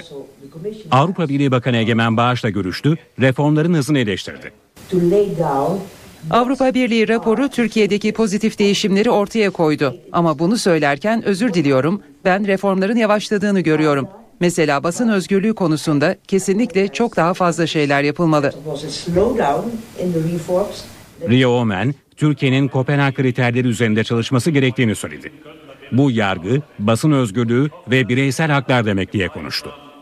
Ruiten başörtülü vekil tartışması içinde özgürlük vurgusu yaptı. Yıllar önce benim ülkemde eğer birisi başörtüsü takmak istiyorsa buna her yerde izin verilir dediğimde çok eleştirilmiştim. Benim bakış açımla Türkiye'de de durum bu olmalı. Ama başörtüsü takmak geri kalanın başörtüsü takması için bir zorunluluk olmamalı. Herkes özgür olmalı. Saat 18.33 eve dönerken de günün öne çıkan spor gelişmelerine bakalım şimdi de. Fenerbahçe'de hafta sonu yapılacak kongre öncesi adayların çalışmaları sürüyor. Başkan Aziz Yıldırım kongre üyelerine kısa bir mesaj göndererek katılım çağrısı yaptı. Kongre üyelerinin cep telefonlarına gönderilen mesajda Büyük Fenerbahçe'nin kongre üyeleri sizler oylarınızla Büyük Fenerbahçe'ye yarattınız. Aziz Yıldırım ve arkadaşlarını özgür kıldınız. Aslında siz seçiminizi yapmıştınız ama izin vermediler. Fenerbahçe'nin büyük kongresini mahkemelere taşıdılar. Oylarınızı sorguladılar. Sizi yeniden seçime zorladılar. Sizler bunun için seçim olmadığını, 3 Temmuz'da hesaplaşmanın ta kendisi olduğunu biliyorsunuz. Kongreye gelin, oyunuza ve Fenerbahçe'ye sahip çıkın. Saygılarımla Aziz Yıldırım ifadeleri kullanıldı. Fenerbahçe Başkanı Aziz Yıldırım'ın seçim öncesi kongre üyelerine hitaben hazırlattığı kitap rakibi Mehmet Ali Aydınlar'ın tepkisini çekti. Aydınlar'ın seçim için 3 Temmuz hesaplaşması ifadelerini kullanan Yıldırım'a yanıtı gecikmedi. Yasalı bir açıklama yayınlayan Aydınlar, Sayın Başkan 3 Kasım'da yapılacak kongrenin bir seçim olmadığını ifade etmiş. Oysa ben ve arkadaşlarım Fenerbahçe Olağanüstü Kongresi'ne kulübümüze artı değerler katacak, kulübümüzü geleceğe nasıl taşıyabileceğimizi tartışabileceğimiz demokratik bir seçim olacak düşüncesiyle girmeye karar verdik ifadelerini kullandı. Seçimin kavga ortamından uzak yapılması gerektiğine dikkat çeken aydınlar, sadece kulübümüzün değil seçim kültürümüzün de çıtasını yukarılara çekme arzusundayız ve buna maksimum gayret göstereceğiz. Bu anlamda da üslubumuzu ve yaklaşımımızı bozmadan tüm Türkiye'ye heyecan duyacakları sportif ve demokratik bir seçim yaşatacağız dedi. Galatasaray'da sol bek sıkıntısı devam ediyor. Teknik direktör Roberto Mancini, sakat Hakan Balta ve formsuz Reyera'nın yerine savunmanın solunu bu kez Sabri Sarıoğlu'na emanet edecek. Galatasaray Teknik Direktörü Roberto Mancini, Torku Konyaspor maçı öncesi yeniden kadroyu değiştiriyor. İtalyan teknik adam Kayseri Spor maçındaki performansından memnun olmadığı Dani'nin yerine Sabri'yi sol bekte oynatacak. Kopenhag maçında sakatlanan Hakan Balta'nın tam olarak hazır olmaması, Riera'nın ise performansının yeterli görülmemesi Mancini'yi farklı seçeneklere yöneltti. Daha önce sürpriz bir şekilde Dani'yi sol bekte oynatan İtalyan çalıştırıcı antrenmanlarda Sabri'yi bu bölgede denedi. Yabancı sınırlaması nedeniyle Kopenhag maçında yıldızlaşan Ebue'yi Süper Lig'de değerlendiremeyen Roberto Mancini, Sabri'yi sol bek oynatarak fil dişi sahilli oyuncuya kadroda yer açmak istiyor. İtalyan çalıştırıcı böylece Kopenhag ve Fenerbahçe maçları öncesi Ebue'nin maç kondisyonunu artırmayı planlıyor. Belindeki sakatlığı devam eden Snyder ise Torku Konya spor maçında riske edilmeyebilir. Mancini'nin Hollandalı yıldızla konuşup son durumuna göre karar vermesi bekleniyor. Snyder'in yokluğunda genç yıldız Bruma'ya forma şansı doğacak. Oyuncularıyla antrenmanlarda savunma çalışan Mancini, yeni bir anlayışı takımı ezberletmeyi amaçlıyor. Oyuncuların topun arkasında blok halinde durmasını öğütleyen İtalyan çalıştırıcı, özellikle alan savunması konusunda uyarılarda bulunarak takımın birlikte hareket etmesini istiyor. Futbol anlayışını dengeli oyun olarak tanımlayan Mancini, kafasındaki şablon için oyuncularıyla sürekli iletişime geçerek isteklerini anlatıyor. Galatasaray yöneticisi Emir Sarıgül, Drogba'nın 2-3 sene daha Türkiye'de oynamak istediğini söyledi. Fenerbahçe karşılaşmasının kendileri için sıradan bir lig maçı olduğunu belirten Sarıgül, derbide 3 puana yakın olan taraf biziz dedi. Galatasaray Yönetim Kurulu üyesi Emir Sarıgül, Radyo Spor'a Drogba'nın sözleşmesi ve derbi maçla ilgili açıklamalarda bulundu. Drogba'nın 2-3 sene daha Türkiye'de oynamak istediğini ifade eden Emir Sarıgül, tecrübeli oyuncunun futbol yaşantısını Türkiye'de noktaladıktan sonra da Galatasaray'a hizmet etmeye devam edeceğini söyledi. Derbi maçı öncesinde Torku Konyaspor ve Şampiyonlar Ligi'nde Kopenhag'la karşılaşacaklarını belirten Emir Sarıgül, önceliklerin bu maçlar olduğunu söyledi. Fenerbahçe mücadelesinin normal bir lig maçı olduğunu belirten Sarıgül, Galatasaray bu motivasyonu azmi ve hırsıyla 90 dakika sonunda 3 puan alan taraf olacaktır. Biz Kadıköy'e hiçbir önyargıyla gitmiyoruz. Dostça bir maç olacağına inanıyorum şeklinde konuştu. Başkan Ünal Aysal'ın Fenerbahçe'nin seçim sürecinden çıkacak sonuçlara göre derbiye gideceğini belirten Sarıgül, biz bütün yönetici arkadaşlar olarak Şükrü Saraçoğlu'na gideceğiz dedi. Beşiktaş'ta kadro dışı bırakılan İbrahim Toraman ve Sezer Öztürk çalışmalarını takımdan ve birbirlerinden ayrı sürdürüyor. İki futbolcu aynı anda tesislerde bulunmamaları için farklı saatlerde antrenman yapıyor. Öte yandan Yeni İnönü Stadı'nın temel atma töreninin tarihi de netleşiyor. Beşiktaş'ta süresiz kadro dışı bırakılan İbrahim Toraman ve Sezer Öztürk kendileri için hazırlanan program doğrultusunda çalışmalarına devam ediyor. Ümraniye Nevzat Demir tesislerinde bulunan A2 takımının sahasında çalışan iki futbolcu aynı anda tesislerde bulunmamaları için farklı saatlerde antrenman yapıyor. İki futbolcunun A takım antrenman saatlerinde tesislerde olmamalarına dikkat ediliyor. A takımın öğle saatlerinde antrenman yapması durumunda bir oyuncu sabah, diğer futbolcu da akşam saatlerinde Nevzat Demir tesislerinde oluyor. Birbirlerinden ve takımdan farklı saatlerde hazırlıklarını sürdüren iki oyuncu hakkında teknik heyete belirli dönemlerde bilgi veriliyor. İbrahim Toraman ve Sezer Öztürk'ün takımdan ayrı çalışmalarını devre arasına kadar sürdürmeleri ve sezonun ikinci yarısı öncesi siyah beyazlı takımla yollarının ayrılması bekleniyor. Öte yandan İnönü Stadı'nda temel atma tarihi de netleşiyor. İlk planlamaya göre Ekim ayının ortalarında başlanması öngörülen yeni stat inşaatı Kasım ayının son haftasında gerçekleşecek. Temel atma törenine Cumhurbaşkanı Abdullah Gül ve Başbakan Recep Tayyip Erdoğan'ın da katılacak olması nedeniyle tören tarihi için Cumhurbaşkanı Gül ve Başbakan Erdoğan'ın o dönemdeki programlarının netleşmesi bekleniyor. Başkan Fikret Orman'ın önümüzdeki günlerde Ankara'da yapacağı görüşmelerin ardından temel atma töreni tarihi resmi olarak açıklanacak. Kayseri Spor'da Recep Mamur dönemi devam ediyor. Sarı Kırmızılı Kulübün genel kurulunda Recep Mamur yeniden başkanlığa seçildi. Kayseri Spor'da yapılan olağanüstü genel kurulda Recep Mamur yeniden başkanlığa seçildi. Daha önce görevini devam etmeyeceğini açıklayan Mamur, genel kurula katılmamasına rağmen üyeler tarafından aday gösterildi ve yeniden başkan seçildi. Recep Mamur ve yönetim kurulunun istifası üzerine yapılan genel kurula 205 üyeden 71'i katıldı. Delegeler tarafından Recep Mamur ve 10 yönetim kurulu üyesi yeniden göreve getirildi. Recep Mamur başkanlığındaki yeni yönetim kurulu Rıfat Pehlivan, Yücel Şahin, Mehmet Delikan, Mustafa Özhaseki, Hayrullah Doğan, Serdar Maraşlı, İskender Beluk, Mehmet Hızlıer, Ali Çetin ve Oğuz Ortaköylüoğlu'ndan oluşuyor. Çaykur Rizespor'da Kuveyke'den kötü haber. Eskişehir spor maçına sakatlanan Kamerunlu oyuncunun çekilen MR'ı sonrası en az bir ay sahalardan uzak kalacağı açıklandı. Teknik direktör Rıza Çalınbay forvet sıkıntısı yaşadıklarını ve devre arası transfer yapacaklarını söyledi. Çaykur Rizespor Kamerunlu golcüsü Leonard Kouyake'den en az bir ay yararlanamayacak. Eskişehir spor maçında sakatlanan Kamerunlu futbolcunun çekilen MR'ı sonrası durumu netlik kazandı. Kasığında yırtık olduğu tespit edilen Kueyke'nin en az bir ay sahalardan uzak kalacağı açıklandı. Teknik direktör Rıza Çalınbay, Kueyke'nin yanı sıra Eren ve Hakan'ın da sakat olduğunu belirterek devre arası transfer ihtiyaçları olduğunu söyledi. Sezon başından beri söylediğimiz gibi bizim en büyük sıkıntımız alternatifimiz olmaması. Ve bu alternatif oyuncularımızın şans verdiğimiz oyunculardan da beklediğimiz performansı alamayınca o zaman tabii ki e, mecburen e, çok kısıtlı bir kadroyla yola çıktığımız için de sıkıntılar yaşıyoruz. Şu anda bile işte Koyka büyük bir ihtimalle bir, bir ay, bir buçuk ay yok. Eren ve ona yakın yok. İşte Hakan bir arkadaşımız var. Hiçbirini görmedim belki çocuğu. O da sezonu tamamen kapattı. Şimdi bizim kadromuz zaten 27-28 kişi. Bunun 5 tanesi kaleci. Ee, ve şu anda bizim e, devreye kadar bu kadromuzu çok iyi şekilde götürmemiz gerekiyor. Devrede tabii ki yönetimimizle konuşacağız. Gerekli takviyeleri mutlaka yapacağız. Yurt dışında oyuncu arayışları olduğunu söyleyen Çalınbay, Semih Şentürk'le görüştükleri yönündeki haberleri ise yalanladı. Spor Toto Süper Lig'in 10. haftasında Galatasaray'a konuk olacak Torku Konya Spor'da hazırlıklar sürüyor. Antrenman sonrasında konuşan teknik direktör Uğur Tütüneker ve Ali Turan zorlu deplasmandan puanla dönmek istediklerini söyledi. Galatasaray deplasmanına çıkacak olan Torku Konya Spor'da hazırlıklar sürüyor. Teknik direktör Uğur Tütüneker zor bir maça çıkacaklarını ama mutlaka puan almak istediklerini dile getirdi. Galatasaray'a gidiyoruz. Her maçta olduğu gibi bu maçtan da e, ümitliyiz. Ümitliye gidiyoruz. E, oyunumuz evet 1-0 mağlup olduk ama oyunumuz e, genel anlamda iyiydi, iyi e, gözüküyordu. Onun için aynı şekilde biz e, futbol oynamaya e, puan çıkartabiliriz ya puanlarla dönebilirsek tabii iyi olur bize. Sonuçta e, şunu unutmamak lazım. Karşında bir Galatasaray var.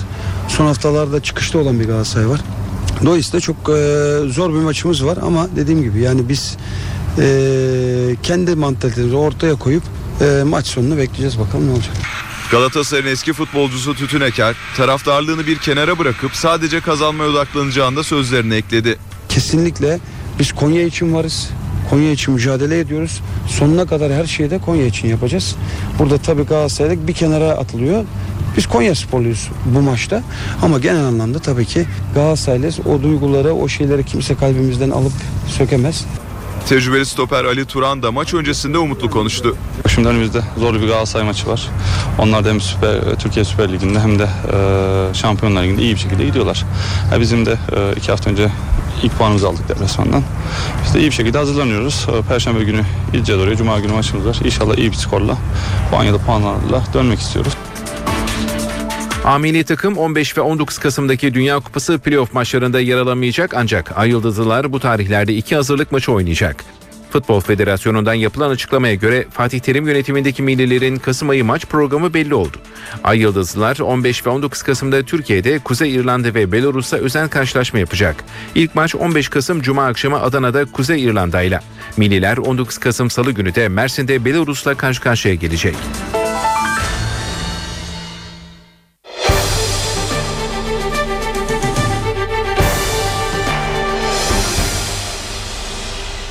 Amerika'da patlak veren dinleme krizinin ardından ülkenin istihbarat faaliyetlerini yürüten kurumların yöneticileri Temsilciler Meclisi'nde ifade verdi. Oturumda hem itiraflar hem de yalanlamalar kayda geçti. Avrupa'daki dinleme iddiasına ilişkin cevapsa oldukça dikkat çekiciydi. Casusluk faaliyetleri basına sızınca müttefiklerine karşı zor durumda kalan Amerika Birleşik Devletleri iç hesaplaşmaya gitti. Ülkedeki istihbarat faaliyetlerinin en tepesindeki isim John Clapper ve eleştirilerin odağındaki Ulusal Güvenlik Kurumu Direktörü General Keith Alexander ifade verdi. Oturumda protestolar da vardı. Elinde bizi dinlemeyi kesin yazılı bir pankart bulunan dinleyici salondan çıkarıldı. Temsilciler Meclisi İstihbarat Alt Komitesi'nce düzenlenen oturumda Ulusal İstihbarat Direktörü Clapper yürüttükleri çalışmaları savundu. Liderleri dinlemek görevimiz dedi. Biz sadece meşru hedefleri dinledik. Buna yabancı ülkelerin siyasi ve askeri liderleri de dahil. İşimizin bir parçası da bu. Ve müttefiklerimiz de kesinlikle bize karşı benzer faaliyetlerde bulunuyor. Yabancı ülke liderlerini dinlediği ortaya çıkan Ulusal Güvenlik Kurumu Başkanı General Keith Alexander ise Avrupa Birliği vatandaşlarını dinlemediklerini iddia etti. Spain, El Mundo and Italy L'Espresso Avrupa basınında Fransız, İspanyol ve İtalyan vatandaşlarını dinlediğimize dair iddialar yalan. Bu istihbarat kayıtlarını biz toplamadık. Bunlar ortak çalıştığımız Avrupalı istihbarat kurumlarının bizimle paylaştığı kayıtlar. Eski CIA çalışanı Edward Snowden'a sızdırdığı bilgiler sonrası Amerikan istihbarat kurumlarının Fransa, Almanya, İspanya'nın da aralarında bulunduğu birçok ülkede geniş çaplı casusluk faaliyetleri yürüttüğü ortaya çıkmıştı. Hindistan'da katliam gibi kaza. Bir yolcu otobüsü bariyerlere çarparak alev aldı. 42 kişi hayatını kaybetti. Hindistan'da katliam gibi bir kaza yaşandı. Ülkenin güneyindeki Andhra Pradesh eyaletinde bir yolcu otobüsü bariyerlere çarparak alev aldı. Alevler bir anda otobüsü sararken tam bir can pazarı yaşandı. Kaza sırasında uykuda olan onlarca yolcu da hayatını kaybetti. Şoför ve muavinin de aralarında bulunduğu 7 kişi ise camları kırarak dışarı çıkmayı başardı. Şoför ve muavin gözaltına alınırken kazayla ilgili soruşturma başlatıldı. Otobüsün bariyerlere çarptıktan sonra yakıt deposunun alev aldığı tahmin ediliyor. Şehirler arası sefer yapan otobüsün bir yakıt tankerine çarptığı yönünde de iddialar var. Hindistan dünyada trafik kazalarında en fazla can kaybının yaşandığı ülke. Dünya Sağlık Örgütü verilerine göre ülkede her yıl 110 binden fazla kişi trafik kazalarında hayatını kaybediyor. İtalya'da 32 kişinin öldüğü gemi kazasının davasında bu kez kaptanın sevgilisi hakim karşısına çıktı. Kaptanın dikkatini dağıttığı söylenen Moldovalı dansçı kaza anında kaptanın yanında olduğunu itiraf etti. Kaptanın sevgilisiydim ve kaza anında kaptan köşkündeydim. Costa Concordia yolcu gemisi davasında kaptanın Moldovalı sevgilisi hakim karşısına çıktı. Moldovalı dansçı İtalya'nın Giglio adasında Ocak 2012'de kayalıklara çarpan geminin kaptanıyla romantik bir ilişki yaşadığını itiraf etti. Kaza anında kaptanın yanında olduğunu anlatan Dominica Camerton gemiye hiçbir ücret ödemeden bindiğini anlattı. Duruşmanın ardından gazetecilere açıklamada bulunan Camerton özel hayatının göz önüne serilmesinden şikayetçi oldu. Kaza anında yaşadığım psikolojik baskı nedeniyle öldüm. Bugün de ikinci kez öldüm. Çünkü iki yıldır sakladığım özel hayatım gözler önüne serildi. Bir bebeğim var. Hayatımı korumak zorundayım. İtalyan basını 32 kişinin öldüğü kazanın nedenini kaptanın Moldovalı sevgilisi nedeniyle dikkatinin dağılmasına bağlıyor. Kaptan Francesco Cettino'nun kayalıkların çok yakınından geçerek Moldovalı sevgilisine gösteriş yapmaya çalıştığı da iddia ediliyor. Kazadan geminin dümencisini sorumlu tutan kaptan suçlu bulunursa 20 yıl hapis cezası alabilir. İtalya'nın Giglio adası açıklarında Ocak 2012'de kayalıklara çarparak yan yatan gemi geçen ay dünyanın en büyük kurtarma operasyonuyla doğrultulmuştu. Geminin gelecek yıl başka bir limana çekilmesi hedefleniyor. Saat 19 ben Öykü Özdoğan eve dönerkenin bu bölümüne günün öne çıkan özetleriyle başlıyoruz. Hacca giden kadın vekiller parlamentoya başörtüsüyle geleceğini açıkladı. Gözler yarına çevrildi. Siyasi gündem başörtülü vekil tartışmaları etrafında odaklanmış durumda. Meclis Başkanı Cemil Çiçek şu anda gazetecilerin sorularını yanıtlıyor dinliyoruz. Üniversitelerimizde çözüldü, sokakta çözüldü, birçok yerde çözüldü ve herkes de katkı verdi. Bizler milletvekilleri olarak bu toplum adına burada görev yapan insanlarız.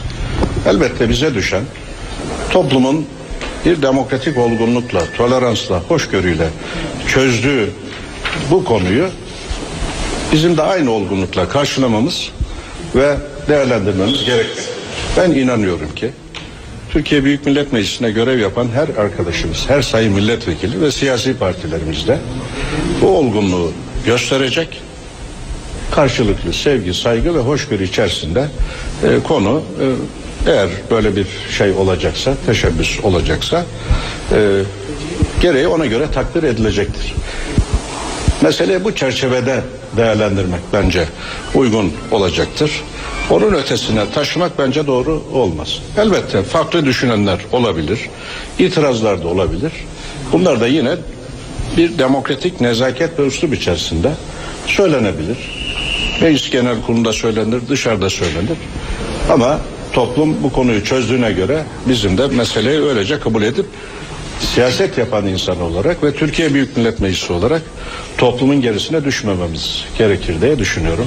Benim kanaatim budur. Efendim yarınki oturum için yönetmeliği söz konusu olabilir mi? Yok hayır yarın meclis için normal bir gündem. İşe olağanüstü bir anlam yüklemeyin. Bunu hasreten sizden de rica ediyorum. Yani reyting yapacağız, onu yapacağız, bunu yapacağız diye yani olağanüstü bir hava vererek Türkiye'ye yeni bir kısım sıkıntılar yaşatmayalım. Onun için toplumun çözdüğü bir konuyu siz de çözülmüş olarak kabul edin ve meseleye öyle bakın. Yarın meclisin normal gündemidir. Bugün yöneten arkadaşımız kimse bu hafta nöbetçi. Bunlar bir ay önceden belli oluyor. O arkadaşımız yönetecektir. Yarın meclisimiz inanıyorum ki kendisine yakışan eğer yarın söylediğiniz varit olacaksa o olgunluğu gösterecek ve ben de böyle bir meclise e, mensup olduğum için de büyük bir gurur ve iftihar duydum ve bugüne kadar bundan sonra da duyarım. Efendim Evet. gruplara herhangi bir sağduyu çağrısında bulundunuz mu? Arayıp E, partilerimizin açıklamaları geçmişte de hep sağduyuluydu. Özel ilave bir sağduyuya gerek yok. Zaten sağduyulu olmak siyaset adamının bariz e, özelliğidir. Öyle olur ve öyle de olacaktır. Benim kanaatim o. Merve Kavakçı'nın durumunda bu dakikadan itibaren bir değişiklik olabilir mi? Ne bakımda? Yani haklarının iadesi anlamında. Yani neyi neye göre soruyorsunuz? Yani öyle bir soru soruyorsun ki alakasını kurmak bile e, zor bir mesele. Neye göre? Yani normalleşme olduğunu, demokratik olduğunu E biz bugünkü parlamentodaki durumu konuşuyoruz. Sayın Kavakçı bugün meclisimizin üyesi değil. Ama kişisel kanaatini soruyorsanız geçmişte yargı yoluyla çok büyük bir haksızlık yapılmıştır. Peki efendim CHP'liler değişik tarzlarla Hayır, bu, bu, bu kadar bu kadar yeter. Bu kadar yeter. Teşekkürler. Meclis Başkanı Cemil Çiçek Ankara'da başörtülü vekil tartışması ile ilgili gazetecilerin sorularını yanıtladı. Eve dönerken kaldığımız yerden devam ediyoruz. Başörtülü vekil tartışması ile ilgili Başbakan Erdoğan'dan değerlendirmeler geldi. İzmir'de konuşan Başbakan meclis iç tüzüğünde başörtüsüne engel olmadığını söyledi. Başörtüsü takma kararı alanlara herkesin saygı duyması gerektiğini ifade etti. Bu konudaki eleştirilere de tepki gösteren Erdoğan, başörtüsü nasıl siyasi imge olabilir? Başörtüsü dinimizin gereklerinden biridir. Dinimizin böyle bir emrinin olduğunu bilmeyecek kadar cahiller ifadesini kullandı.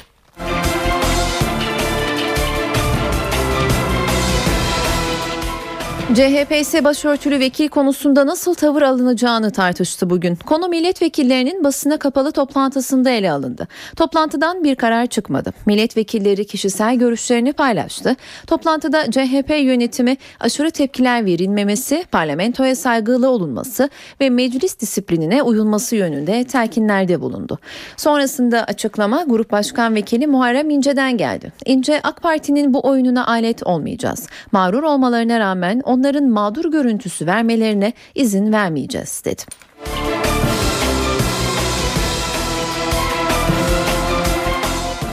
Başbakan Erdoğan, CHP lideri Kemal Kılıçdaroğlu'nun dikizcilik suçlamasına AK Parti İzmir Teşkilatı'nın yemeğinde yanıt verdi. Kılıçdaroğlu'nu eleştiren başbakan, böyle ahlak dışı bir yaklaşım olabilir mi dedi.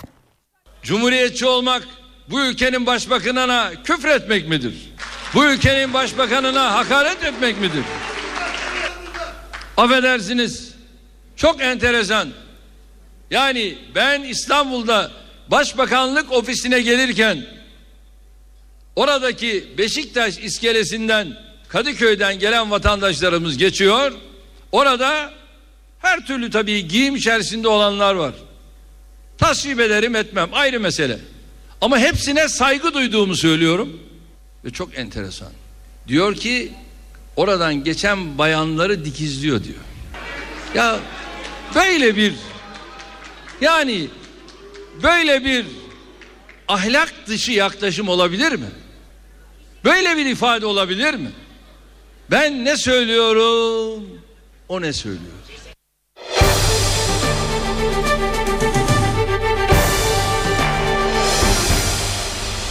Marmaray açıldı. Trenin duruş ve kalkışlarında meydana gelen aksamalar nedeniyle birçok iddia ortaya atıldı. Kumanda merkezinin ve elektronik sistemlerin yetersiz olduğu iddiasını yalanlayan Devlet Demiryolları Genel Müdürlüğü, aksaklıkların vatandaşların sürekli acil durum butonuna basmalarından kaynaklandığını duyurdu. Yazılı açıklamada bir de uyarı yapıldı. Vatandaşların yoğunluğu dikkate alarak sürekli git gel yapmamaları, ihtiyaçları varsa Marmaray'ı kullanmaları istendi. Demiryolları Genel Müdürü Süleyman Karaman da seferler biletsiz olduğu için beklediklerinin iki katı yolcu olduğunu söyledi. Karaman vatandaşlar şu anda hem gidiyor hem geliyor. Belki de vatandaş sıkışıncaya kadar bu böyle devam edecek. Tren sayısını şu anda artırmamızın imkanı yok. Sirkeci durağında biraz spekülasyonlar var. Sirkeciyi şu anda pas geçiyoruz. Eğer orada da durursa yoğunluk daha da artacak dedi. Ankara Siber Suçlarla Mücadele Polisi piyasayı 35 milyon lira dolandıran çeteye yönelik operasyon düzenledi. Gözaltına alınan 5 kişi tutuklandı. Ankara Emniyet Müdürlüğü'ne bağlı Siber Suçlarla Mücadele Şubesi dedektifleri Çinli telekomünikasyon devi Huawei'nin suç duyurusu üzerine Ankara Adıyaman hattında çalışan bir dolandırıcılık çetesini takibe aldı. Kendilerini Huawei şirketinin yetkilisi gibi gösteren çete üyelerinin sahte şirket belgeleriyle bilgisayar firmaları ile anlaşmalar imzaladığı tespit edildi.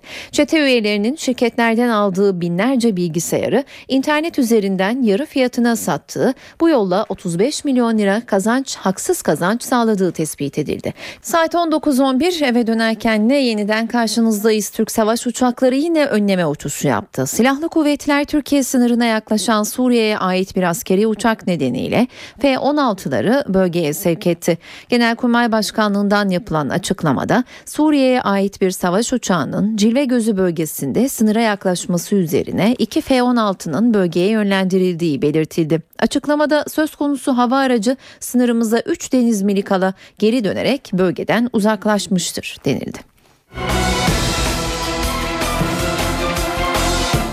Suriye sınırındaki çatışma yine Türkiye'yi vurdu. Ceylanpınar ilçesine peş peşe iki havan topu mermisi düştü. Bir kişi yaralandı. Okullar bugün de açılmadı. Ceylanpınar'a dün iki havan topu mermisi düştü. Suriye'nin Resulayn kasabasında PYD ile El Nusra arasındaki çatışmalar akşam saatlerinde şiddetlendi. Çatışma sırasında ateşlenen havan topu mermisi Mevlana mahallesindeki bir eve isabet etti. Evde yaşayanlar olaydan kısa bir süre önce dışarı çıktığı için yara almadan kurtuldu. Ancak etrafa yayılan toz bulutundan etkilenen 5 kişi tedaviye alındı. İkinci havan topu mermisi Ulu Cami mahallesindeki bir evin kapısına isabet etti. Şarapnel parçaları o sırada sokakta yürüyen Rıdvan Turan'ı yüzünden yaraladı. Hastaneye kaldırılan Turan'ın sağlık durumu iyi. Olayın ardından bölgede güvenlik önlemleri artırıldı. Vatandaşların sınıra yaklaşmaması için uyarı anonsları yapıldı. Suriye'de devlet başkanı Beşar Esad ülkesindeki iç savaşın ancak yabancı güçlerin muhaliflere verdiği desteği sona erdirmesiyle biteceğini ileri sürdü. Esad başkent Şam'da Birleşmiş Milletler ve Arap Birliği'nin Suriye özel temsilcisi Lahtar Brahimi ile bir araya geldi. Esad Suriye krizine siyasi çözüm bulunması için öncelikle muhalif militanlara verilen desteğin kesilmesi gerektiğini ifade etti. Esad ülkesinin geleceğini bir tek Suriye halkının şekillendirebileceğini de kaydetti. Suriye krizi krizine barışçıl çözüm bulunması için 2. Cenevre Konferansı'nın gelecek ay düzenlenmesi planlanıyor.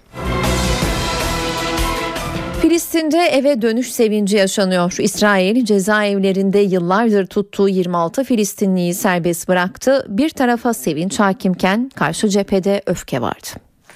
Batı Şeria ve Gazze'de sevinç vardı. Barış görüşmelerinin yeniden başlaması için İsrail ile Filistin yönetimi arasında varılan uzlaşma gereği İsrail cezaevlerinde tutulan 26 Filistinli serbest bırakıldı. 19 ila 28 yıl cezaevinde yattıktan sonra serbest kalanlardan 21'i Batı Şeria'ya, 5'i de Gazze'ye döndü.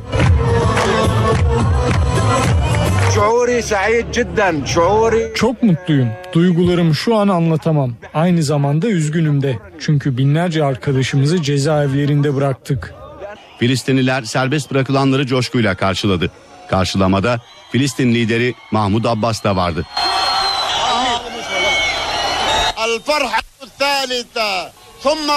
Sizlere söylüyorum. Cezaevindeki herkes serbest kalıncaya kadar nihai anlaşma olmayacak. 28 yılla İsrail cezaevinde en uzun süreli kalan Filistinli olan Abed Rabbo da annesine kavuşmanın sevincini yaşadı.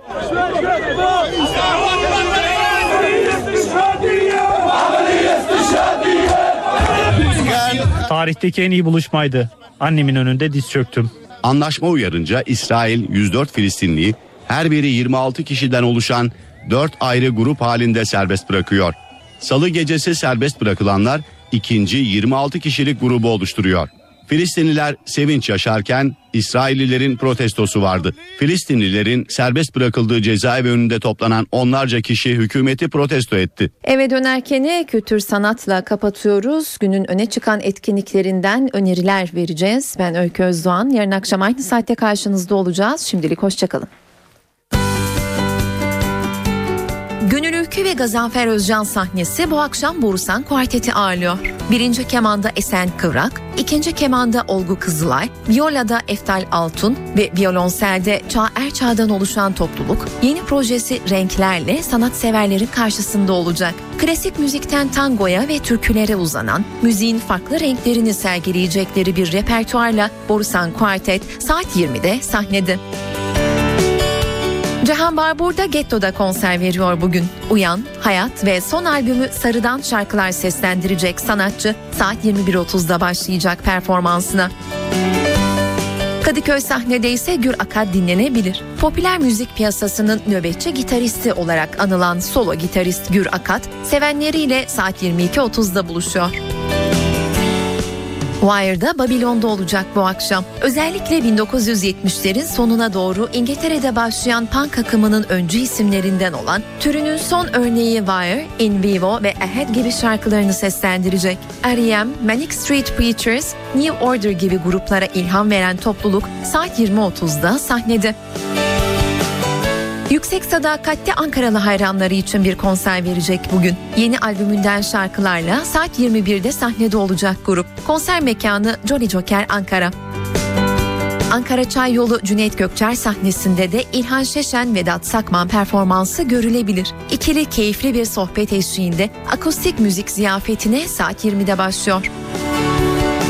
Tiyatro severler için de önerilerimiz var. Şehir tiyatroları Türk Edebiyatı'nın önemli isimlerinden Nazım Hikmet Tıran'ın Yolcu adlı oyununu bugünden itibaren tiyatro severlerle buluşturuyor. Kurtuluş Savaşı'nın yoğun olarak yaşandığı 1921 yılında geçen oyun, devrilen telgraf direği sonrası dış dünyayla bağları kopan tren istasyonlarında yaşananları anlatıyor. Nazım Hikmet'in tanınmış ve en çok sahnelenen oyunlarından biri olan Yolcu'nun dramaturgluğunu Hatice Yurtturu, sahne tasarımını Barış Dinçel, kostüm tasarımını Duygu Türkekul, ışık tasarımını Özcan Deniz ve efekt uygulamasını Hanefi Topraktepe üstleniyor. Yıldırım Fikret Uran yönettiği Yolcu'nun oyuncu kadrosunda ise Bahtiyar Engin, Gün Koper, Mehmet Avdan ve Aslıhan Kandemir yer alıyor. Oyun saat 20'de Kadıköy Haldun Taner sahnesinde görülebilir. Seni seviyorum, mükemmelsin, şimdi değiş. Şişli Blackout talimhane sahnesinde sahneye konuyor. Broadway'de hit olmuş, 12 yıldır sahnelenen ve birçok ülkeye de uyarlanmış müzikal saat 20.30'da başlıyor. Bu akşam evdeyseniz CNBC'de saat 21'de Yes Prime Minister izlenebilir. Sonrasında ise saat 22'de The Newsroom ekranda olacak. Star TV'de ise saat 20'de yeni bölümüyle Muhteşem Yüzyıl, 23.30'da ise yabancı film Eagle Eye Kartal Göz ekrana gelecek.